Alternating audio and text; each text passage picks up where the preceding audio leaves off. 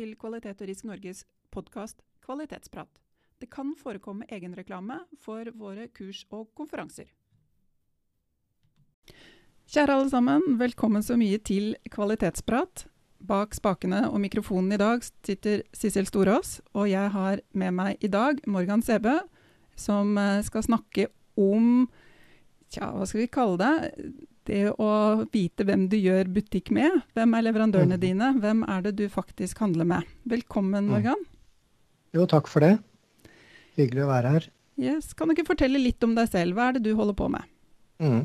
Nei, jeg jobber som sikkerhetsrådgiver i Avarn Security. Uh, har vært her nå i 25 år. Uh, der har jeg også hatt Eh, vanlig driftsansvar i over 20 år, før jeg nå jobber stort sett bare med salg og rådgivning. Jeg har også eh, tilleggsverv. Jeg er regional koordinator for Næringslivets sikkerhetsråd, som er eh, veldig opptatt av faget sikkerhet. Da. Og det er jo noe som tiltaler meg veldig i jobben, så jeg prøver å holde meg litt mer enn gjennomsnittlig engasjert i, i det faget som vi opererer innen. Da. Nettopp.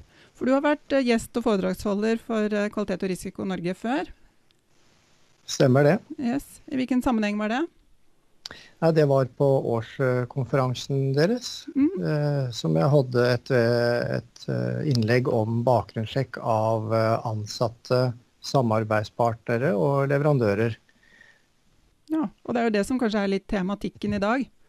Mm. Jeg har jo lenge sagt at eh, eller Jeg som har jobbet mye med, med prosjekter, jeg husker en gang vi snakket om hva som er liksom gjeldende, hva er det som rører, berører kvaliteten mest i et, et, prosjekt. Og det, som jeg måtte si, det er jo leverandørene våre. Særlig jeg jobbet mm. i et stort selskap som Equinor og skulle kjøre store, gedigne prosjekter, så er vi jo helt avhengig av å velge rett leverandør å samarbeide med. Mm. Og det er vel litt det og, du tenker på? Ja, og du sier jo her også at du, det var fra et kvalitetsperspektiv. Eh, mm. Eh, men bakgrunnssjekk eh, på den måten vi snakker om her, har jo to perspektiver. Det er jo både kvalitet, men eh, i aller høyeste grad også sikkerhet. da.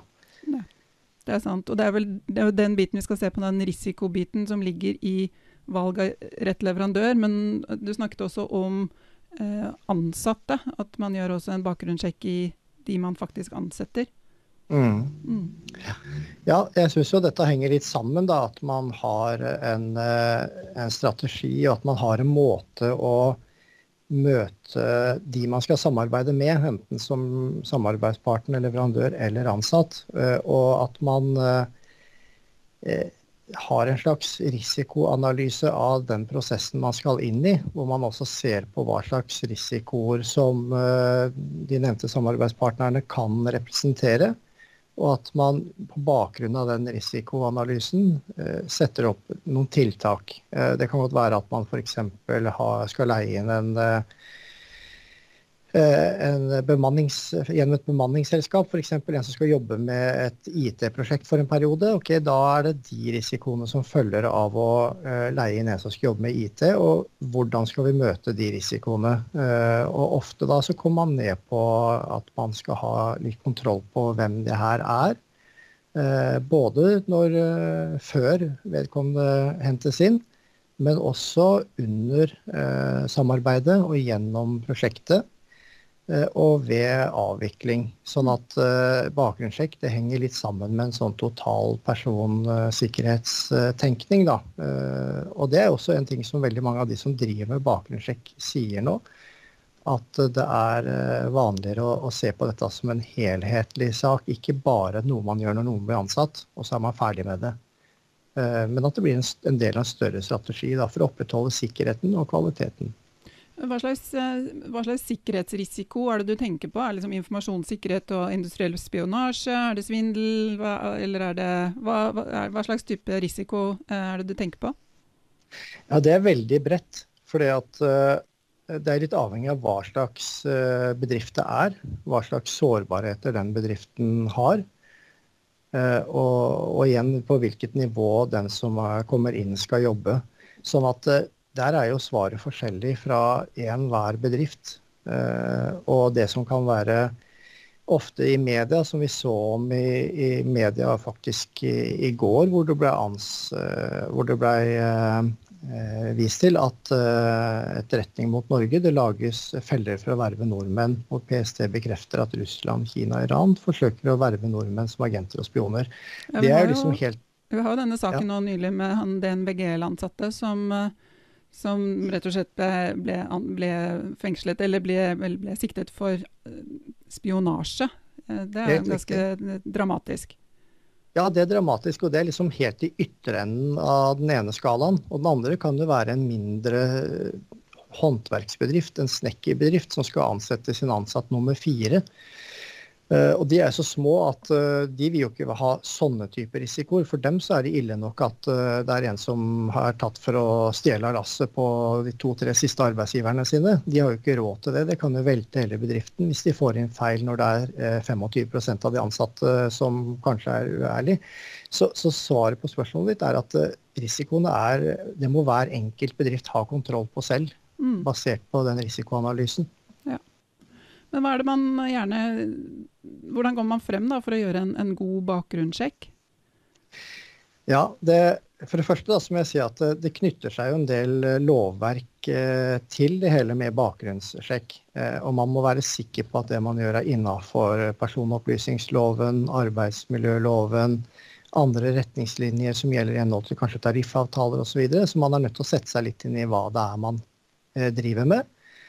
Eh, og så må det være en slags saklighetsvurdering. da, eh, At den informasjonen og den bakgrunnssjekken du foretar, den er saklig. At ikke du søker opp informasjon som ikke du egentlig har noe behov for. Og Der kommer jo også den risikoanalysen med tiltaksplanen inn. At man gjennom det ser For oss er det viktig å få vite følgende. Og det følgende er det du skal søke informasjon i. Eh, og det begynner på mange måter med å verifisere den informasjonen du får forelagt av firma som vil inn. Sjekke at dette her stemmer. Se i offentlig register hvis det er en bedrift f.eks. Eh, se om det er noen konkurser eh, som ligger bak osv. Så Så ja, det, det, kan variere en del det der, altså. Men, Men i hvert fall ja. Hvis man skal ansette, som du snakket med snekkerbedriften som mm. skal ansette som nummer fire, det man kan selvfølgelig mm. gjøre, er jo en helt ordinær, vanlig referansesjekk. Be om å få referanser og ringe rundt, og kanskje også sjekke, gjøre noen uoffisielle referansesjekker. da, med sånn Presumptivt at hvis man ber om å få referanser, så vil jo vedkommende oppgi sine gode referanser. Mm. Men, ja. uh, men, dette går jo utover det, egentlig. Men som en bedriftseier så er det kanskje ikke så lett å finne typisk som du snakket om, hvis han er, de tre siste arbeidsgiverne faktisk har drevet og tatt fra lasset, så er ikke det gitt at det er en informasjon som er så lett tilgjengelig. Mm, det er riktig. Det er jo som uh, at du sjekker det som blir forelagt deg stemmer. Og så er det å, å, å, se da på den informasjonen som du ikke får, men om du skal gå videre og leite etter mer informasjon uh, enn det som blir fortalt deg. Det er jo selvfølgelig litt mer vanskelig. Jeg, jeg har erfart selv at uh, hvis du snakker med en, de bedriftene som er oppgitt, og spør f.eks.: Vet du hvor han begynte etter at han slutta å dere? Uh, så kan det gjerne komme opp uh, eksempler som ikke står på CV-en, f.eks.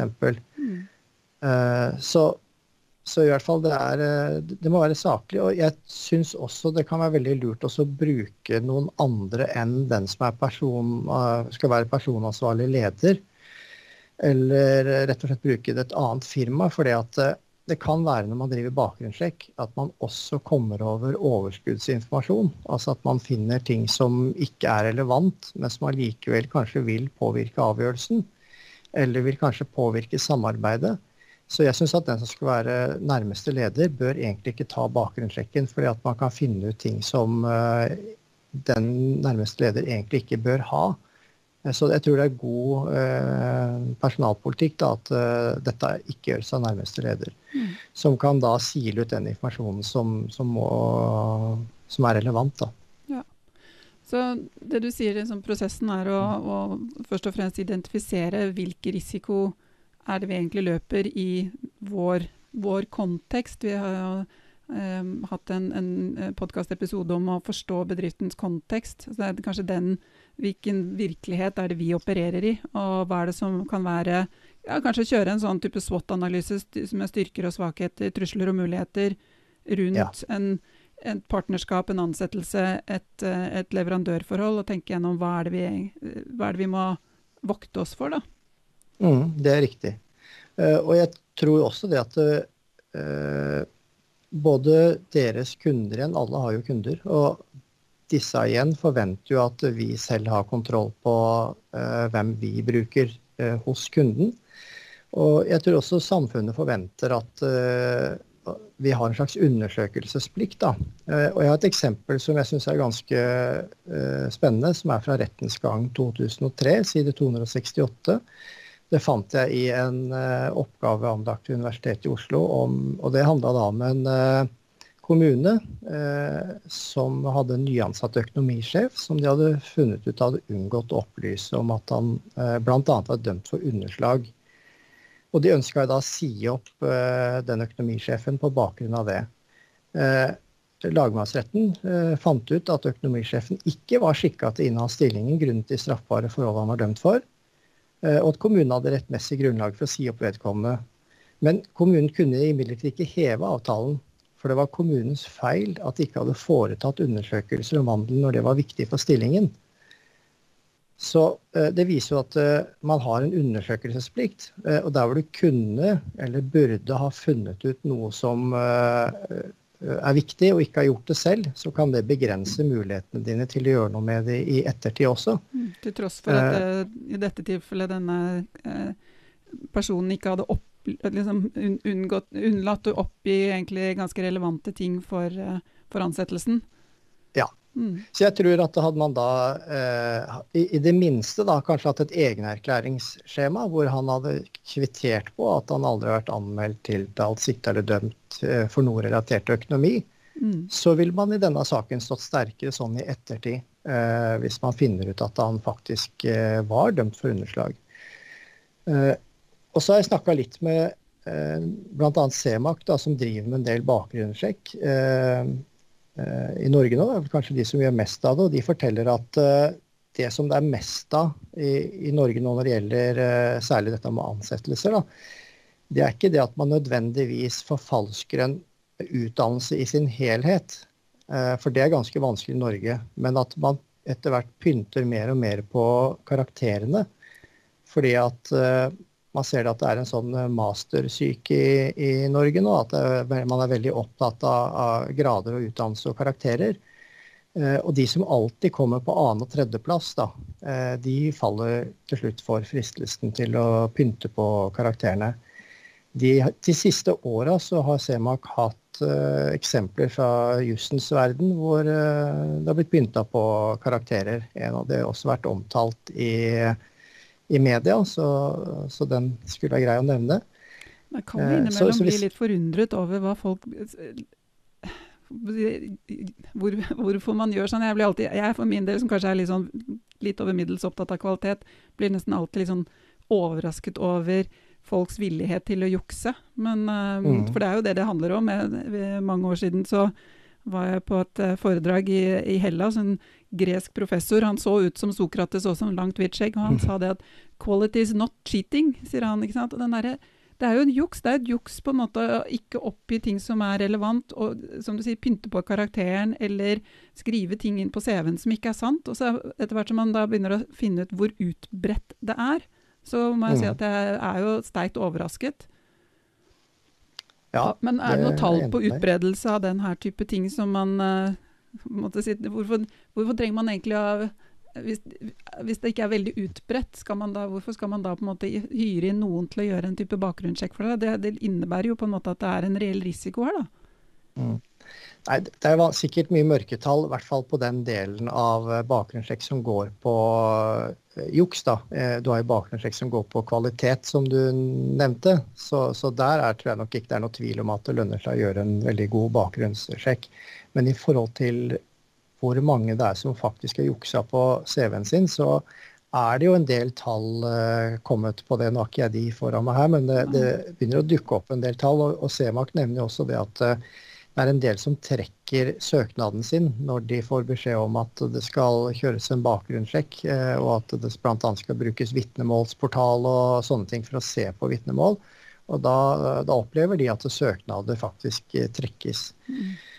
Så vet, det er nok en del mørketall, og det er jo også veldig vanskelig å, uh, at noen kanskje anmelder en, en sånn sak i ettertid. Jeg har faktisk opplevd selv at en som jeg hadde person, personalansvar for en del år tilbake, slutta etter lengre tids vanskeligheter. Og så ringer etter hvert en som skal sjekke referanse på akkurat han. da. Og, og hun sier at ja, du har jo skrevet en ganske god referanse her. Eller sluttattest. Eh, og jeg sa kan jeg være så snill å få se den? Og den var eh, forfalska, åpenbart forfalska hele veien. Eh, og den var veldig bra laga. Det var min signatur og alt. Så, mm. så, så, det Jeg tror nok det er vanligere enn det man liker å, å tro, altså. Ja, det er søren meg skummelt, altså.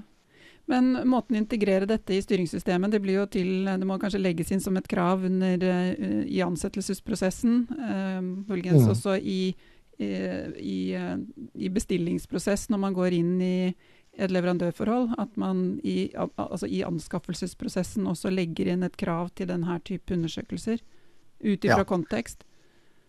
Ja, det tror jeg nok. Og, og, dette når det gjelder eh, bruk av leverandører, så er vi også inne på arbeidslivskriminalitet. Mm. Eh, og det er jo noe som har vært veldig mye fokus på de siste åra fra både Nav og politi og skattemyndigheter og arbeidstilsyn, fordi at dette ble veldig sånn sektoroverskridende problematikk.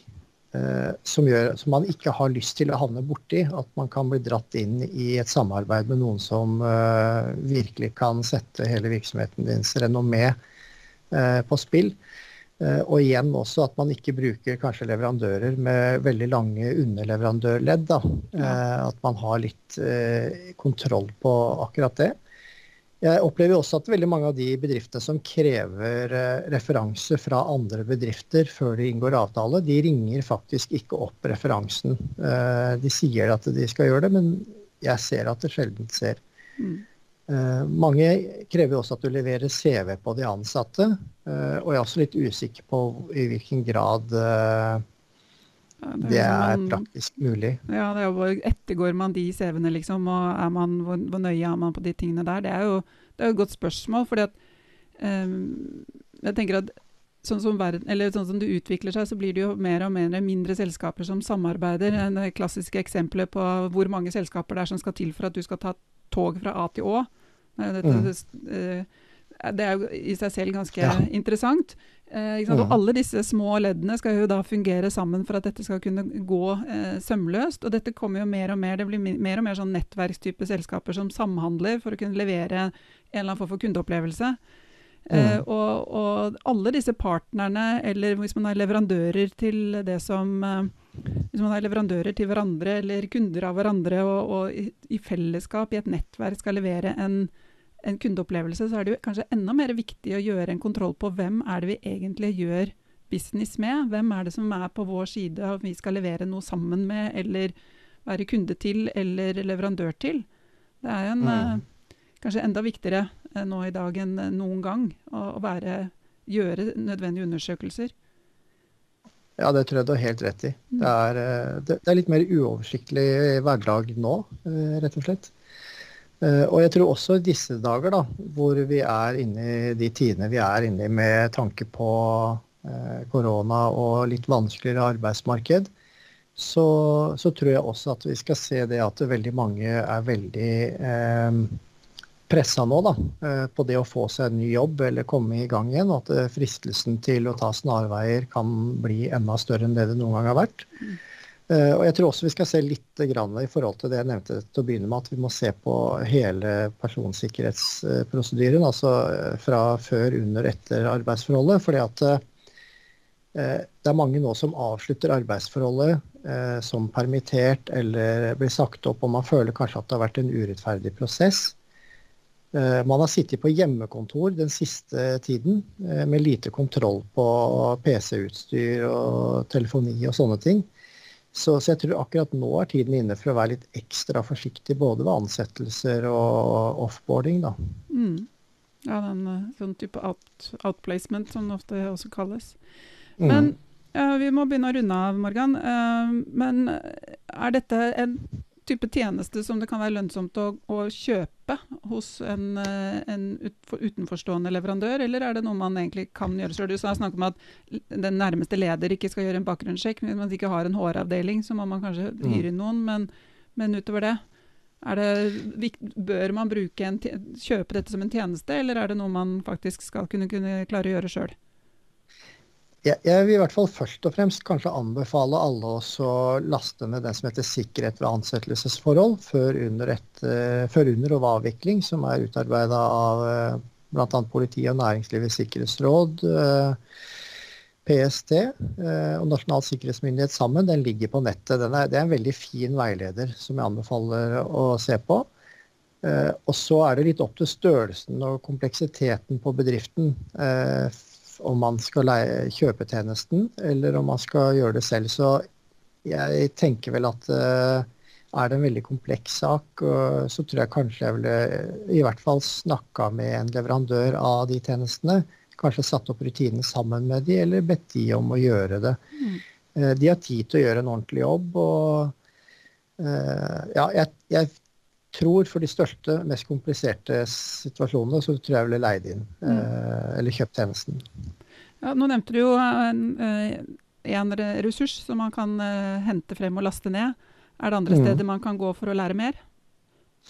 Nei, det begynner å bli mye bra på nettet nå. så uh, Med unntak av den, så bare for å kanskje oppdatere seg litt på hva som er uh, risikoen, så har jo politiet i Sør-Øst laga en veldig fin uh, avhandling som ligger på nettet som heter 'Kriminalitet i og mot næringslivet trender og trusler'. Den er fra 2018. Uh, og den også beskriver litt hvordan man kan jobbe med uh, de truslene som næringslivet står overfor. Og innsidere er der uh, også omtalt som et eget kapittel. Mm. Ja.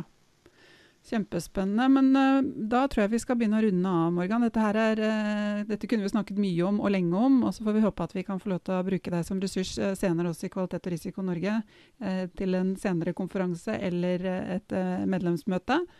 Mm. Um, som sagt, veldig interessant, veldig spennende. Og igjen bare gjenta at 'quality is not cheating'. Og det, det er vel det som uh, er litt av greia her. Prøve å finne frem til de riktige leverandørene, de riktige ansatte og de riktige samarbeidspartnerne som uh, ønsker å samarbeide med et gjensidig godt resultat uten både svindel, juks og, og løgn. Så det er vel mm. det det gjerne koker ned til.